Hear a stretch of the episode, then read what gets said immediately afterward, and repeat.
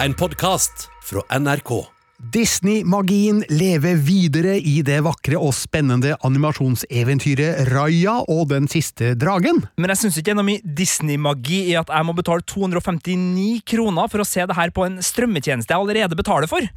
Men tenåringsoppgjør det blir det i hvert fall på Netflix i Amy Powlers nye film Moxie. Og det må du ikke betale for. Det er faktisk helt gratis hvis du abonnerer da på Ja, Netflix. altså, det er ikke helt gratis. Ikke helt gratis.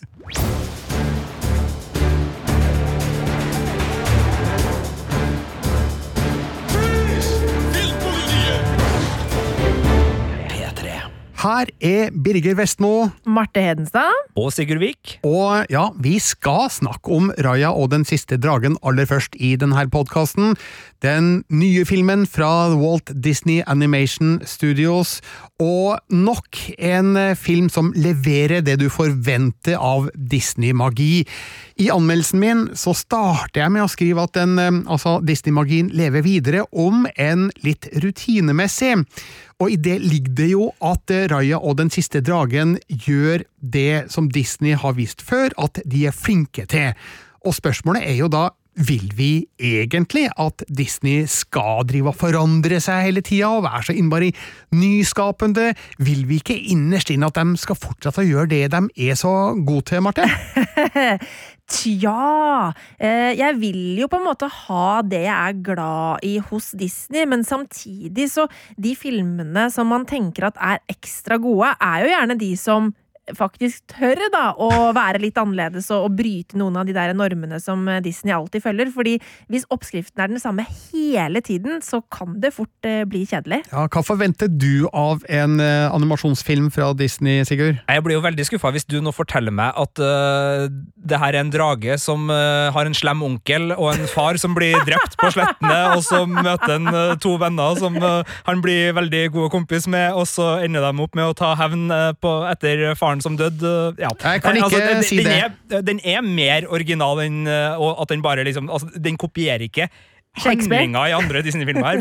Nei, altså, den har flere fellestrekk med tidligere Disney-tegnefilmer. Altså, for det første, den har en sterk kvinnelig hovedfigur, som jeg har følelsen av, uten at jeg har sett på statistikken her, jeg har følelsen av at eh, Disney-filmene domineres av eh, kvinnelige hovedfigurer. Marte, har du eh, den Ja, samme følelsen? Har ikke noe statistikk, men er, du har vel kanskje rett i at de siste åra så har det stort sett vært jenter i hovedrollene. Ja, den- den forrige- Coco er vel ikke Der er det jo en gutt i hovedrollen. Um, det er ikke en Nei, er Walt Disney Animation-film. Eh, Pixar. Altså, de, de har jo hatt Frost, Mm. og de har hatt um, Wreck-It Ralph. Altså, Det er jo en mannlig hovedfigur, men fra dataspillverden. Uh, Vaiana. kan- Du må vel tilbake til Big Hero 6, tror jeg, i Er 2014, for å finne den siste Walt Disney Animation Studios-filmen med en Mm. gutt i, som hovedfigur. Uten at det er et stort poeng for meg, det er bare en observasjon. Men da har jo da Raya og Den siste dragen det fellestrekket da, med tidligere Disney-filmer fra moderne tid, i hvert fall, at den har en sterk, selvstendig kvinnelig figur, og det er jo kjempefint. I tillegg så er hun nå da mm, tydelig inspirert av uh, Sørøst-Asia, både av utseende og um, i kulturell kontekst. Uh, hun har selvfølgelig da eh, en del søte sidekicks, det skal jo alle Disney-filmer ha, her i form av um, en slags bille, eller en, en krysning av en armadillo og en bille i et ganske stort format, da. Stemmelagt av eh, Alan Tyduck, eh, faktisk, både i den norske og den amerikanske versjonen. Ja, fordi uh, vi befinner oss i liksom fantasyland her. Altså det er magi og Det er ikke et ekte sted vi skal til. Vi er definitivt i et uh, eventyrrike, for her er vi på et sted der mennesker og drager, Marte, som jeg vet du er veldig interessert i, eh, først og fremst av Game of Thrones, vel? Nei, altså ikke av Game of Thrones, altså da må vi av Hobbiten, hvis vi skal Ja, på en måte gå tilbake nemlig. til origin story her. Ja. Selvfølgelig. Men i hvert fall, i eventyrrike Kumandra har mennesker og drager en gang levd side om side. Men for 500 år siden, da skjedde den store tragedien. Den ble angrepet av drunen, en eh, mørk kraft, tror jeg skal nøye meg med å beskrive det som, som da ble overvunnet den gangen ved hjelp av en magisk dragestein, men dessverre ikke før alle dragene ble forstena. Etter det så gikk Kommandra i oppløsning. Riket ble oppdelt i fem ulike deler, og nå, da, 500 år etterpå, så forsøker høvdingen av en av disse delene uh, forsøker å samle alle sammen til ett rike igjen. Det slår feil, og drunen vekkes til live nok en gang. Da må høvdingens datter, Raja, altså tittelfiguren, legge ut på en lang reise for å finne den siste gjenlevende dragen, som heter Sisu.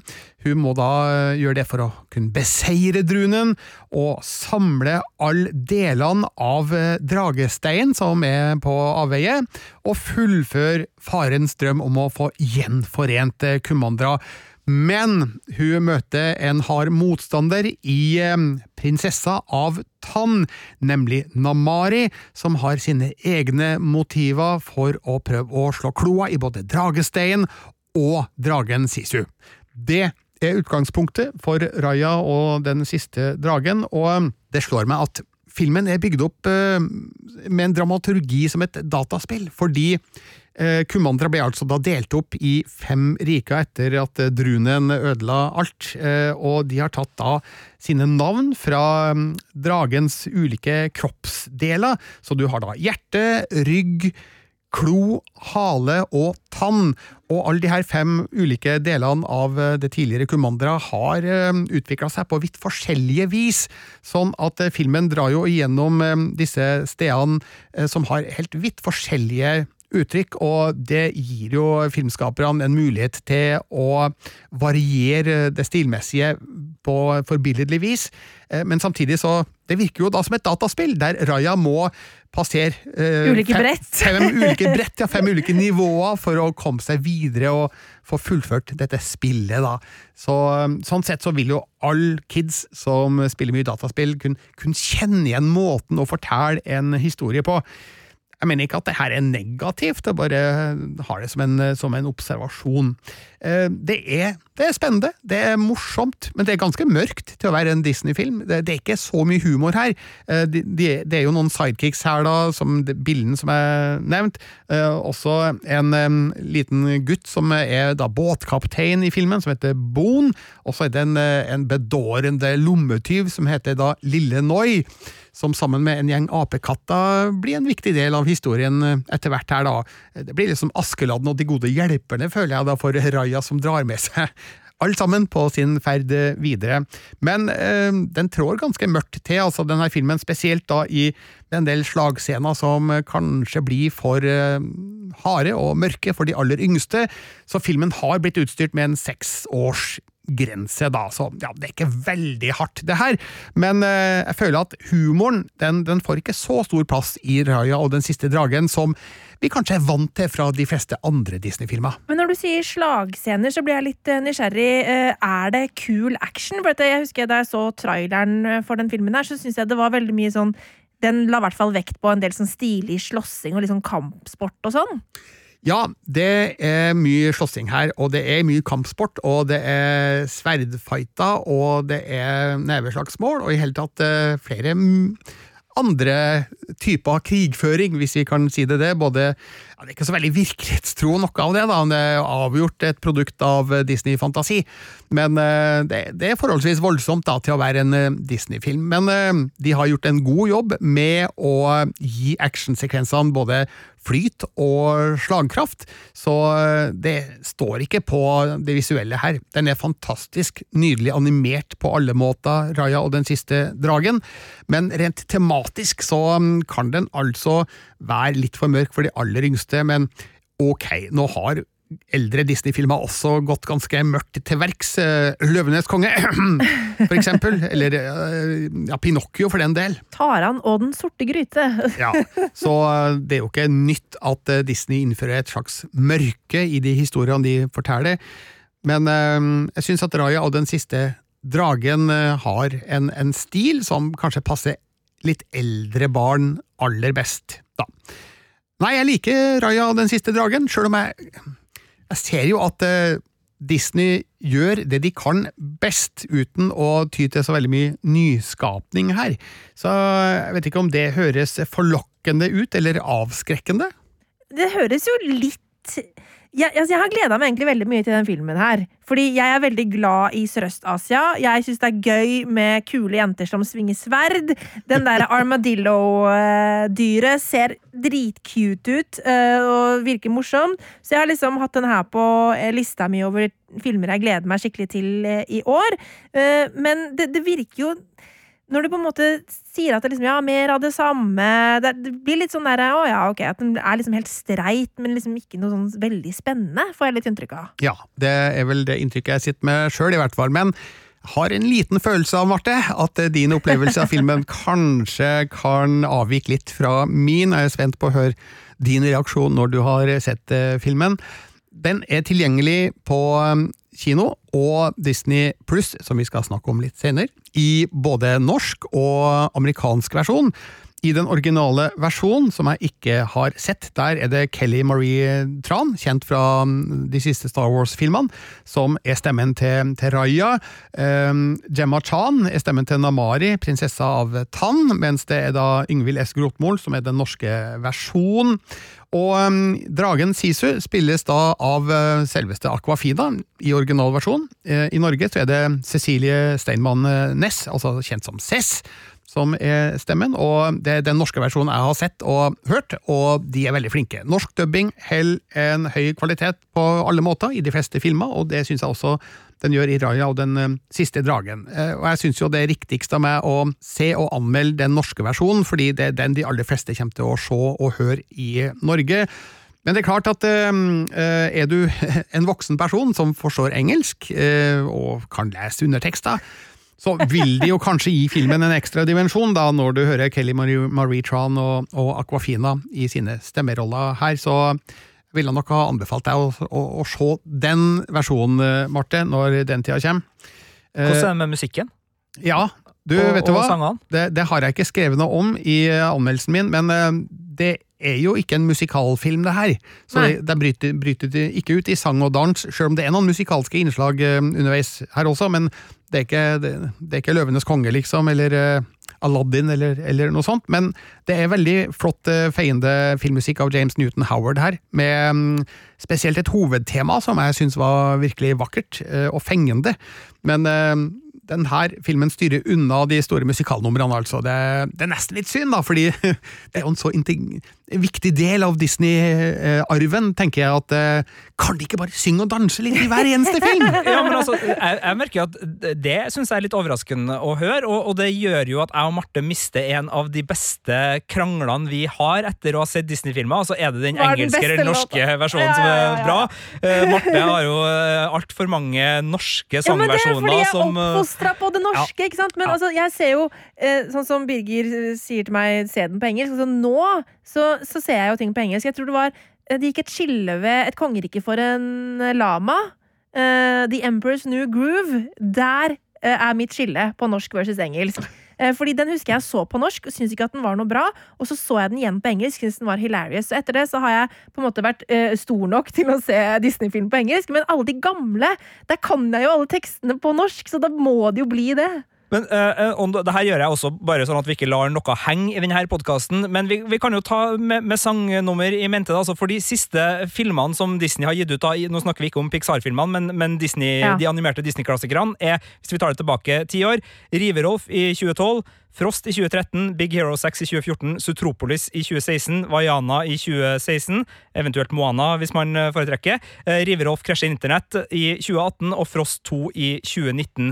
Og ja, det er jo i hvert fall sånn for Vaiana og Frost sin del, så er det jo liksom sangnumrene som virkelig mm. har vært det som eh, kanskje har gjort dem til de landeplagene og de eh, hjernebarkkrymperne som de er, fordi det er jo noen, noen sanger her som både på norsk og engelsk har bitt seg fast og virkelig blitt en del av bilturer de, rundt omkring på, på norske landveier i mang en sommerferie.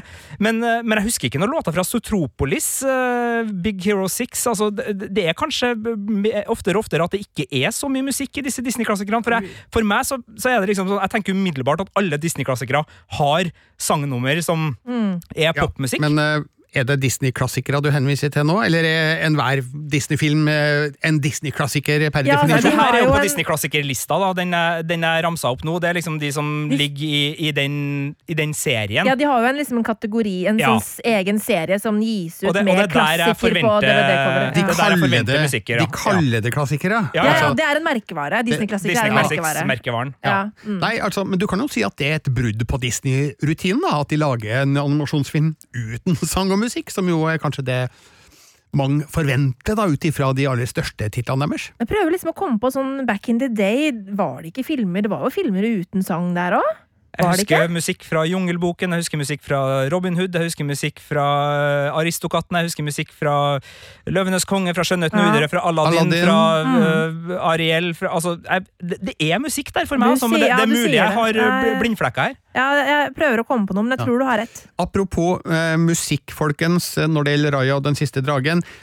Ikke gå på YouTube og se traileren som eh, ligger der. I, Den er- ikke gjør det. Nei, ba- bare hør på eh, et lite utdrag her. Ok. Let's catch you up. My name is Raya. Our lands have been at war for as long as we can remember. Our people never see eye to eye. My daughter, I believe our people can come together again. But someone has to take the first step. Now, in order to restore peace, we must find the last dragon. I wish to join this fellowship of butt kickery.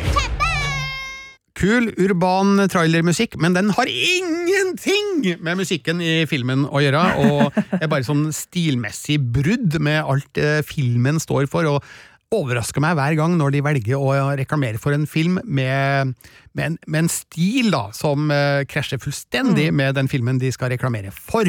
Veldig godt poeng. Det er jo ofte annen musikk i trailerne, men det bør jo passe tematisk. Uh, Jeg så syns jo det, men uh, det er ikke alle som syns det. men Raja og Den siste dragen den har jeg gitt en eh, god firer på terningen. Jeg avslutta eh, anmeldelsen min på nrk.no med at eh, det lukter kanskje ikke klassikerstatus av eh, det her, men filmen ser helt fantastisk ut, og den underholder veldig godt, sjøl om den har et litt eh, alvorstungt innhold. Så her må du bare kose deg, Marte. Ja. Absolutt. Jeg skjønner at jeg kommer til å kose meg med dette. du kommer til å gjøre det, og når du ser den, så slipper du å gjøre sånn som meg, nemlig sitte der med et kritisk filmanmelderblikk og leit etter feil og mangler som du kan pirke i. Det var det jeg hadde å si om Raja og den siste dragen, men vi er ikke ferdig med å diskutere filmen, fordi Sigurd, du har ei høne å plukke med Disney. Ja, øh, og da skal du, Birger, først få lov til å si øh, hvordan kan man få sett øh, Raja og den siste dragen, hvis man så ønsker? Ja, Den har da norgespremiere på en rekke norske kinoer. Samtidig som den har premiere på Disneys strømmetjeneste Disney pluss. Og øh, hvis man går på kino, så betaler man kinobillett, og det er helt fair. Og hvis man allerede har betalt for å få Disney pluss, så må man betale 259 kroner i tillegg øh, for å få sett øh, Raja og den siste dragen nå. Og det er nytt i Norge. Det er ikke helt nytt, for Disney pluss har gjort det her i USA tidligere. Men jeg er eh, veldig skeptisk til det her, fordi det er en måte å bringe eh, mikrotransaksjoner, kjent fra, fra spillverden, inn i strømmetjenester. Og eh, for å male et litt større bilde, da, så er det flere ting som, som jeg er urolig for med denne utviklinga.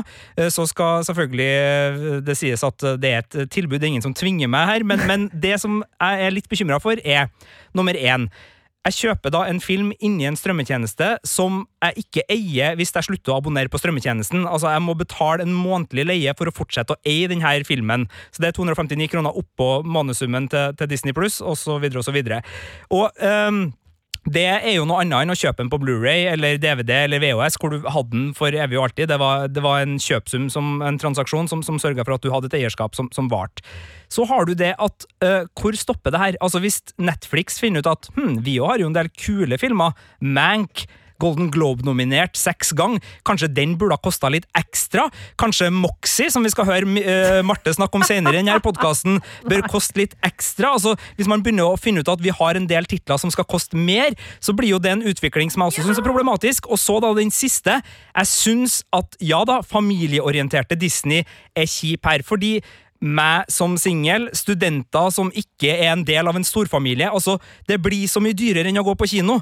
Og da snakker ikke jeg om at man kan slenge inn eh, at det er billigere å gå på Rema og Ops og kjøpe colaen sin enn i kinokiosken. Man skal øh, selvfølgelig øh, det, det er mange perspektiver her, men å betale 259 kroner i tillegg til et månedsbeløp for at jeg skal få sett den filmen her nå, det syns jeg er um, en utvikling som jeg er bekymra for, for å si det pent. Ok, her må jeg stille deg noen kritiske motspørsmål, tenker jeg, Sigurd. Bra. Altså, Walt Disney Animation Studios de har eh, produsert en eh, film som eh, sikkert har kosta dem ja, 100 millioner dollar å produsere. For kino. For kino. Det er en kinofilm som har premiere på kino, men av eh, covid-situasjonen så velger de å også gjøre den tilgjengelig på Disney Pluss, mot at de tar seg kinobetalt for den. Så kan du da velge om du vil se filmen på kino, eller på kino hjemme i stua, eller om du vil vente til den blir tilgjengelig til en mer normal pris, eller eh, gratis med Disney Pluss abonnement, seinere på året om et halvt års tid. Er ikke det fair and square? Eh, Det er selvfølgelig eh, fair and square, og, det er eh, utviklingstrekkene her jeg er mest bekymra for enn akkurat den enkeltgreia. Fordi ja, vi er i en pandemi som, som gjør det vanskelig å på en måte se hadde det her skjedd lell, eller hadde det ikke skjedd hvis det ikke var en pandemi. Men kan jeg se den på en hvilken som helst kino, Birger? Nei, det kan du ikke, fordi flere av de største norske kinoene de eh, setter ikke opp filmen, nettopp på grunn av dette med at den tilbys nå da på Disney Pluss, samtidig som den har kinopremiere. Altså Som en slags protest, eller hva? At det blir for dyrt å sette opp en eh, Jeg vet ikke om det her er en organisert protest, men jeg har fått lista over kinoer som setter filmen opp, da, og da er det mindre kino, sånn som eh, Trudvang kino på Aurland, Brattvåg kino, Fjaler kino, Glomfjord kino, eh, Nesbyen kino, Stor-Elvdal kommunale kino. Det var bare et lite utdrag, da, men Ja, du hører at det, det, det er ikke Bergen og Trondheim og Tromsø og Stavanger, liksom. Så eh, nå har ikke jeg innsikt i om det her er en organisert eh, protest da, fra Ja. storkinoene, eller om eh, det er bare full enighet om at eh, vi gidder ikke å være med på det her. Så, men, men det er interessant å observere at um, de får ikke den kinodistribusjonen som en Disney-film normalt ville ha fått, og det er jo lett å anta at det er på grunn av den eh, strategien Disney har valgt da, med å ja, legg filmen ut på Disney Pluss til kinopris. Jeg, men når du sier kinopris, så er jo ikke det helt riktig. Fordi hva koster det for en kinobillett i dag? 160 spenn ish på premierehelg, er det ikke noe sånt? Eh, Så mye? Ja, det er såpass på premierehelg, tror jeg. 130 kanskje? 130 til 160. Eh, sånn at det er jo 250 kroner ganske dyrt. 259. 259 kroner, det er, det er ganske Ja, dyrt. det er to kinobilletter, da. Så det er jo to kinobilletter, og da skjønner jeg jo at det er urettferdig for uh, Sigurd som sitter alene hjemme og skal se filmen. Sorry. Men, ja, men, men- men, men det er jo riktig, altså, det er det- urettferdig. ja. Eh, Men, men, men, men jeg skjønner jo òg at Disney, eh, som har eh, brukt et på en måte i hermetegn kinobudsjett eh, på å produsere filmen, trenger å få noe inn. Eh, og jeg, jeg, jeg tenker jo ikke sånn at det er ikke sånn at Netflix kommer til å begynne å ta betalt for Moxie. Altså, de filmene har jo helt andre typer budsjett enn det en sånn type storfilm som uh... Ta News of the World, da. Tom Hanks' Ja, westernfilm ja. som hadde premiere på Netflix eh, i forrige måned. Eh, Mm. Hvis, altså, hvis det her blir uh, normalisert, hvorfor skal ikke Netflix ta seg betalt for en Roma, for en Mank, for en News of the World, når Disney gjør det?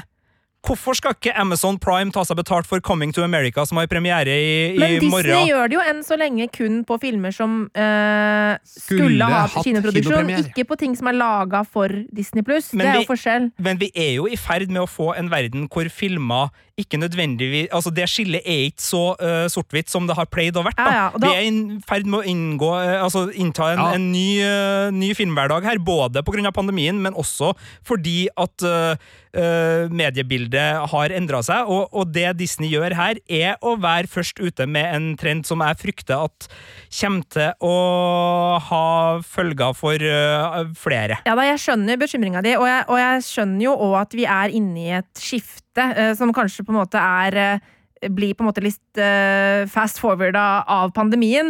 Men er liksom kinoen død? Nei, jeg, jeg tenker jo mer på at man må, man må, se litt hva man gjør her. Fordi ja, kinobudsjett snakker vi om. Det er ganske mye skuespillerlønninger. Altså. Det er en mm. økonomi som har bygd seg opp over tid, og som nå kanskje er nødt til å endre seg. Og den endringa bør ikke skje i våre forbrukerlommebøker bare. Den må selvfølgelig også skje der, men den må kanskje også uh, skje i industrisida, sånn at dem som da setter opp disse budsjettene for disse storfilmene, må ta inn over seg at man har en litt annen virkelighet framover. Uh, Birger, du rekker opp hånda. Ja, nå er det jo slik at vi er i en spesiell situasjon, som alle vet, med pandemien, og man kan jo tenke seg til at uh, situasjonen vil normalisere seg en del når pandemien er over og vi kan gå på kino som normalt igjen. Men i hvert fall akkurat nå så velger jeg å ha litt forståelse for at eh, de må tjene penger på filmene sine, og når de ikke kan tjene pengene sine som normalt på kino, så eh, ser jeg jo at eh, Jeg ser hvorfor de lar seg lokke da, til å ta kinopris på strømmetjenestene, og um, tenker at eh, det er kanskje greit, fordi du eh, ville ikke fått denne filmen ellers. Du ville ikke ha fått muligheten til å se den, den ville ikke blitt produsert om de ikke hadde hatt muligheten til å tjene inn noe av det det faktisk har kosta å lage filmen. Og det er akkurat det der du sier med at den ikke hadde blitt produsert, Birger. fordi når du ser på mange av de der eh, storfilmene i hermetegn som lages for Netflix, og nå sier jeg ikke alle, for det er jo noen av de som på en måte er uh, Oscar-bate, som også settes opp på kino litt, men de andre liksom større actionfilmer med store skuespillernavn osv., så, videre, så syns jeg ofte at på veldig mange av de filmene så er det likevel noe ved de som mangler. Som, som, som, ville tatt det opp et nivå til at de skulle blitt kinofilm. Og da handler ikke det om skuespillerlønninger. Da, det, da er, ligger det ofte et eller annet i budsjettet hvor man har holdt tilbake på ting eh, som man kanskje ville da putta inn i en kinofilm. Uh, som også da ville gjort at den ble dyrere å lage. Sånn at uh, jeg tror ikke, det, er, ikke bare det med at det er skuespillerlønningene som drar. ikke sant? det er si at, uh, forskjell på de typer hvis filmer. Hvis kinoøkonomien kollapser, mm. bank i alle bordene, la oss håpe at det ikke skjer. Men altså sånn, det er godt mulig at budsjettene for filmer er nødt til å tilpasses mm. på, på, flere områder framover. Altså, det er ikke gitt at man bare kan fortsette med de samme budsjettene. Og det er jo kjempesynd! Det kan man si. Så kan man jo også si at kanskje har noen blitt overbetalt uh, opp igjennom uh, på, på Hollywood-fronten også, og at det er mulig å, å, organisere den økonomien litt annerledes enn å uh, For det, det, er jo ikke noe tvil om at grunnen til at alt fra Og det kan man jo se på TV-serier, altså Friends og eh, Tom Cruise er dyr drift. Ja, ja, ja. Rett, det. Og det er skuespillerlønninger som virkelig drar opp prisene på, på de produksjonene. Eh, og det er kanskje en tid som, hvis økonomien endrer seg, er ikke forbi, men, men man må gå inn i en annen realitet. Men det er en annen diskusjon. er det bedre å satse på nytt ungt talent enn men, men jeg vil stille dere to spørsmål, og, og, dere har veldig gode poenger. Altså, jeg er en surmaga forbruker her, men, men hvor vil dere sette grensa, da? Eh, sånn cirka på, på, typen produksjoner der dere syns det er greit at strømmetjenester tar en ekstrasum i tillegg til månedsprisen, og, og, og hvor er det ikke greit? Da er vi på toppnivå for mitt eh, vedkommende. Jeg syns det er spiselig med en, eh, en avgift på Disney-filmer. Top Gun Maverick, James Bond No Time To Die den divisjonen der, altså den øverste, mm. der kunne jeg vært villig til å betale eh, kinobillett for å se den hjemme. Eh, i visshet om at det, slipper jeg jo, fordi jeg er filmkritiker og får alt servert gratis, men, men eh, som eh, forbruker så mener jeg at det hadde vært overkommelig. Men eh, du skal ikke langt under der før jeg syns det begynner å bli litt suspekt, og skal betale 200-300 kroner for å se en film på et tidlig tidspunkt. Er helt enig med deg, Birger. Og så syns jeg over 200 kroner er for dyrt. Eh, jeg syns det må ligge på prisen av eh, en kinobillett, cirka. Eller, eller en Blu-ray? Ja, fordi der ja. har det jo skjedd noe eh, Det var jo en del filmer som kom rett ut på kjøp- og leiemarked, eller på leiemarked, faktisk, da kinoene stengte. Men der Vi, vi tok et lite uh, snei tilbake nå, vi har ikke dobbeltsjekka det her, også, men da var det sånn 189 kroner ja. for å få en helt fersk kinofilm på video on demand, eller på, på, på leiefilm der. 259 er nesten 100 kroner mer. Altså, det, det er en veldig stiv pris, og, og for meg, da altså, Vi er jo filmkritikere og seriekritikere her, men, men jeg òg må jo betale 259 kroner for å få se Eller gå på kino, men den er jo ikke satt opp Ja. eh, på, i Trondheim kino, Men, så jeg eh, skjønner da. men- så, så jeg må betale 259 kroner nå, Mm. helt vanlig forbrukerperspektiv, for å få sett Raja og Den siste dragen. Så, så vi er jo ikke så uh, heva over uh, den her eh, summen vi gjelder, så, så det er jo en, en problemstilling jeg kjenner på kroppen. Og jeg syns at jeg skal betale 259 kroner for en film, selvfølgelig, altså det, det, det har jeg råd til, men jeg, men jeg merker at det, jeg kan ikke gjøre det uh, hver gang jeg skal se en film. Nei. Men uh, de filmene som man kunne kjøpe eller leie for kinopris eh, hjemme i fjor, det var sånn som eh, The Hunt og The Invisible Man. Nå snakker vi om en film fra Walt Disney, og markedet er kanskje litt større for Raya og den siste dragen, med alle de barnefamiliene som sitter der ute med ungene hjemme i stua og skal ha ny underholdning for de, så man må se det an fra film til film, tenker jeg, og se litt, litt hva slags markedspotensial som er inne i bildet her. Og det er vel klart større på, på Raja enn for de, de få filmene da, som kom ut eh, i, i fjor da, Altså, som, som kinofilm på, på nett. At det, Disney på en måte hadde mer å tape økonomisk uh, her enn de andre filmene. Ja, altså, ikke bare det, men de er et mye større brand, Ja, sånn, med ja. en Mm. mye sterkere etterspørsel. Ja. Mm. Jeg vil allikevel ha enkeltbillett, ikke familiebillett. Ja, ja, ja, ja da. Nemlig. Eh, man kan jo gjøre sånn Man kan jo, kan jo ta en sånn slags eh, eh, sånn vote, of confidence, type at du kan legge ut to billetter. Du kan kjøpe singelbillett, og så kan du kjøpe familiebillett. Så kan du Men, se men hvis, hvor mange hvis som er Hvis vår overvåkningskamera oppdager fire øyne og ikke to øyne eh, foran skjermen, så skjermen eh, kommer det en drapsrobot hjem til deg.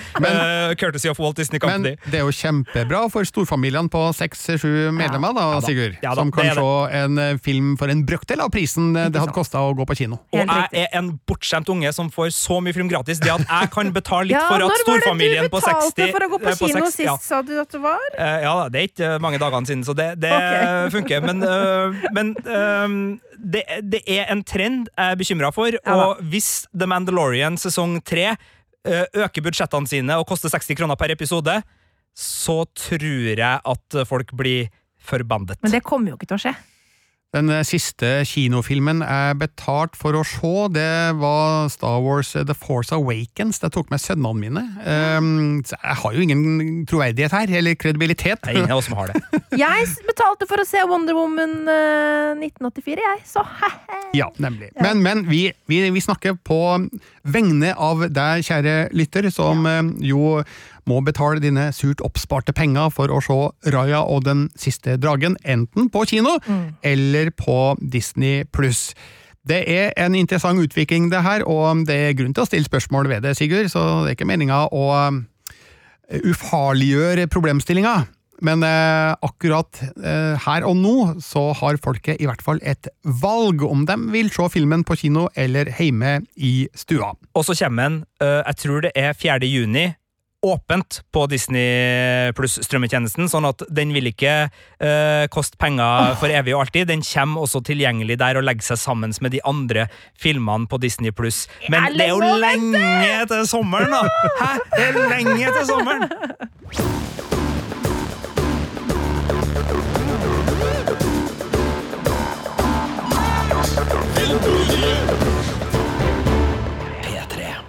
Men nå skal vi over til en eh, film man eh, bare trenger et Netflix-abonnement for å se, Marte. Det stemmer det. Jeg husker ikke helt hva det koster nå for tida, ja. men uh, Moxie er i hvert fall ute på Netflix, og det er Amy Powlers nyeste film. Did you hear rankings are already starting? Emma Cunningham's just gonna get ranked most bangable for the second year in a row. Kira Pascal for best ass. Caitlin Price I'll take best rap. It's so nice not to be on anyone's radar. Totally. You gonna miss me? Seriously? We going? Oh. Can I help you? I don't know, can you? He's bothering you. He's harassing me. If you use that word, that means I have to do a bunch of stuff. Filmen heter altså Moxie, og er det tilfeldig at Amy Pollers eh, første film som regissør har premiere nesten samtidig med at hun er host for Golden Globe? Det, ja, mulig, mulig. De, de dreiv jo og reklamerte litt for Moxie på Golden Globe, faktisk. De hadde noe eh, stjerner og hjerter tusja på hendene sine, og det er fra denne filmen her. Eh, Men grunnen til at den nå kommer denne uka her, har nok mer å gjøre med 8. 8. mars, eh, kvinnedagen, fordi dette her er jo da et eh, feministoppgjør i eh, high school-komedieformat. Um, og det er jo da sånn at Amy Powler har laga denne filmen basert på en roman skrevet av Jennifer Matheus, som da handler om Vivian, som går på high school. Um, og så er det da sånn at en av de første dagene mm, når hun kommer tilbake på skolen etter sommerferien, på, sitt tredje år på high school, så kommer denne berømte lista ut. Eh, Du vet den lista som fotballgutta pleier å lage? Skjønner dere hvilken liste jeg refererer til? da? Eh, Er det hot or not? Ikke sant. Ja, det er eh, beste rack, beste ass, mest poolbar, pulbar altså, Alle disse der, der listetingene. Og Vivian er jo da selvfølgelig drittlei av denne forferdelige sexistiske lista. Og hun er også lei av at eh, altså fotballaget, som er liksom skolens stjerner, eh, får lov til å holde på eh, som de vil. Samtidig som det her skjer, så kommer det også da en ny jente som, som begynner eh, på skolen. Lucy heter hun, og hun er litt mer sånn tøff i trynet. Lar seg ikke pille på nesa av liksom disse tøffe i trynet fotballgutta som liker å ja, rakke litt ned på jentene. Um, og Vivian og Lucy blir da eh, venninner. Og Vivian blir litt inspirert av den der tøffheten til Lucy, eh, og begynner å grave i sin mors eh, gamle saker fra hennes punktid. Er det litt sånn booksmart-film, det her? Den er lite grann som Booksmart. Altså jeg tror den eh, forsøker å prøve litt på det samme. Um, har litt av den samme vibben, men den er i ikke i nærheten av så morsom som Booksmart er, og heller ikke så smart eller skarp som Booksmart er. Det, det overrasker meg litt, fordi um, altså, vi kjenner jo Amy Poehler eh, best kanskje fra hovedrollene hun har hatt i Parks and Recreation og um, Saturday Night Live, der hun har vært en del av teamet i mange år. og da, da forventer jeg jo at eh, hun skal komme med noe um, skarpt og observant i sin andre film som regissør. Jeg sjekka nettopp. hun kom jo med Wine Country i fjor, den hadde jeg Ja. glemt, beklager. Men, men eh, det gjør hun altså ikke Nei. i like stor grad her. Dessverre ikke. eh, Og det handler nok om manuset som, eh, som ligger til grunn her, for det er ikke hun som har skrevet det. Eh, Boka er, nei, filmen er som jeg sa, basert på Jennifer Matthews sin eh, roman, og så er manuset skrevet av Tamara Chestna og Dylan Meyer, eh, og de har ikke den eh, skarpheten og snerten som Amy Powler sjøl har. Eh, altså, den feelgood-formelen er jo ikke nødvendigvis aller best egnet til snert, men det har absolutt blitt laga veldig mye innenfor feelgood-formatet som også har Mm. snert. Men jeg, jeg husker jo når du hadde sett filmen, så var du Ja. relativt positiv, og så har det gått noen dager nå, og du virker jo bare å være mer og mer negativ. Hva er det på en måte som gjør at eh, du blir mer og mer kritisk til den filmen? Altså, det som var, for da jeg så den, så var jeg sånn Ja, ja nei, det her var jo trivelig. Ja, hva- sånn var jeg etter å ha sett filmen. Ja, det her var jo kult. Da. kul sånn feministopprør i, i, i jentegjengen. Eh, For, for det, det jeg da liksom glemte å si her, var at eh, Vivian hun starter da en sånn eh, feministfanzine, altså et eh, egetlaga magasin som hun deler ut på skolen i all hemmelighet, og på en måte maner jentene på skolen til opprør, da. Um, og uh, det er liksom kul tematikk, uh, og jeg liker uh, plottet. Eh, og så syns jeg også at, eh, at både Alisa Pascal Pena, som spiller Lucy, eh, og Hadley Robinson, som spiller Vivian, de, ha, de er kule, de har god kjemi. De er er troverdige i de rollene som litt sånn der forbanna eh, tenåringsjenter som de spiller. Eh, men så blir det litt sånn slapt, rett og slett. Eh, ja. Jeg merker jo at jeg blir jo mer spent på han som Ja. spiller fotballstjerna Mitchell, fordi han spilles da av eh, Patrick Schwarzenegger, og er han tilfeldigvis sønn av prikk, prikk, prikk? Og det vet du allerede svaret på, for Yes. det er han jo. Eh, og jeg syns det er veldig synd med den rollefiguren eh, til eh, Patrick Schwarzenegger her, fordi altså Han spiller da eh, skolens største fotballstjerne. Han er den på en måte helten som tror han kan få alt. Eh, og han er også den eh, mannssjåvinistiske drittsekken som eh, klapser jentene på ræva, eh, behandler dem som dritt, eh, blir forbanna hvis eh, jentene ikke vil ha han, osv. Eh, og den figuren er altså skrevet så flat og fullstendig uten dybde. Eh, og det er liksom Han er ingenting mer enn akkurat det. Eh, og det syns jeg er veldig synd. Altså, filmen forsker ingenting i eh, hvorfor han er blitt sånn. Altså hvilke liksom mekanikker det er som ligger bak, som gjør at eh, en person kan bli på den måten. Altså, han er bare liksom klisjeen av jock.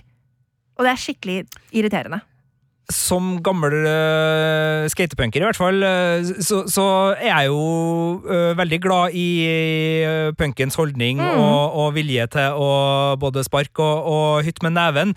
Men er det her en film som klarer å ta vare på en genuin, ekte punkfølelse, eller brukes det bare i et slags Hollywood uh, uh, altså det er sånn Vindusshoppa, et eller annet som skal ja. gi filmen noe å, å, bruke for å være opprørsk, ja. uten at det egentlig er opprørsk? Altså, um det er jo Ledende spørsmål. Det er et ja. veldig ledende spørsmål, og det er jo akkurat det som er mitt største på en måte, kritikk mot filmen. er at altså, eh, Moren til Vivian, spilt av Amy Powler, er tidligere punker. Hun er liksom den som på en måte wanted to liksom fuck the patriarchy i sin ungdom. Eh, hun eh, hørte på masse punkmusikk, var en del av den Riot Girl-bevegelsen som, som starta på 90-tallet i USA. Eh, og, og filmen er gjennomsyra av masse kul punkmusikk, og også litt sånn indie-rock og sånn, men det er mye Det er liksom Bikini Kill, uh, The Linda Linda, så det er mye sånn tøff uh, punk, feministisk punk, som gjør seg godt. men det blir liksom litt for dumt når liksom Vivian tar på seg liksom den gamle skinnjakka til mammaen sin, um, og prøver å liksom starte et slags opprør uh, når filmen er såpass rund i kantene som den er.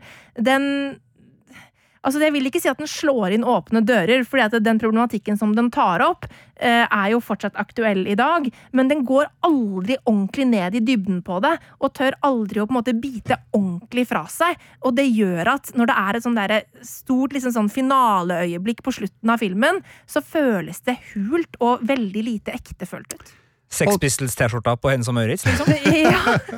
Du, det har ikke eksistert ekte punk Sigurd, siden 1979? Sånn oi, oi, oi, oi, oi, oi. Helt, helt uh, greit å, å mene det. Ja. Men uh, Moxie er i hvert fall ute nå på Netflix, mm. og um, ja, hvilken terning landa du på? Altså, jeg Da jeg gikk da jeg gikk ut av kinosalen, da jeg, reiste meg opp av sofaen, så var jeg på en sånn ja, helt grei firer. Det er trivelig. Eh, men så har jeg, etter, etter, at jeg har skrevet anmeldelsen min og blitt mer og mer irritert på den der poser-stilen som filmen kjører, endt opp på en terningkast tre.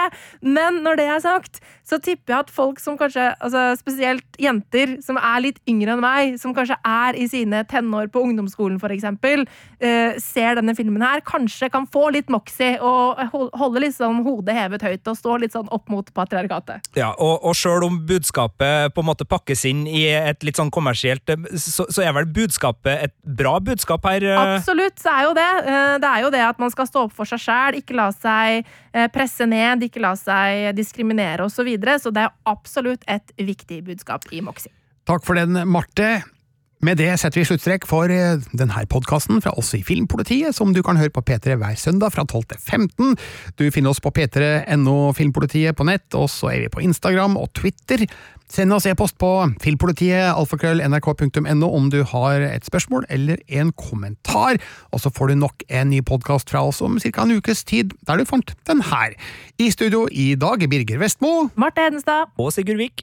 Du har hørt en podkast fra NRK. Hør flere podkaster og din favorittkanal i appen NRK Radio.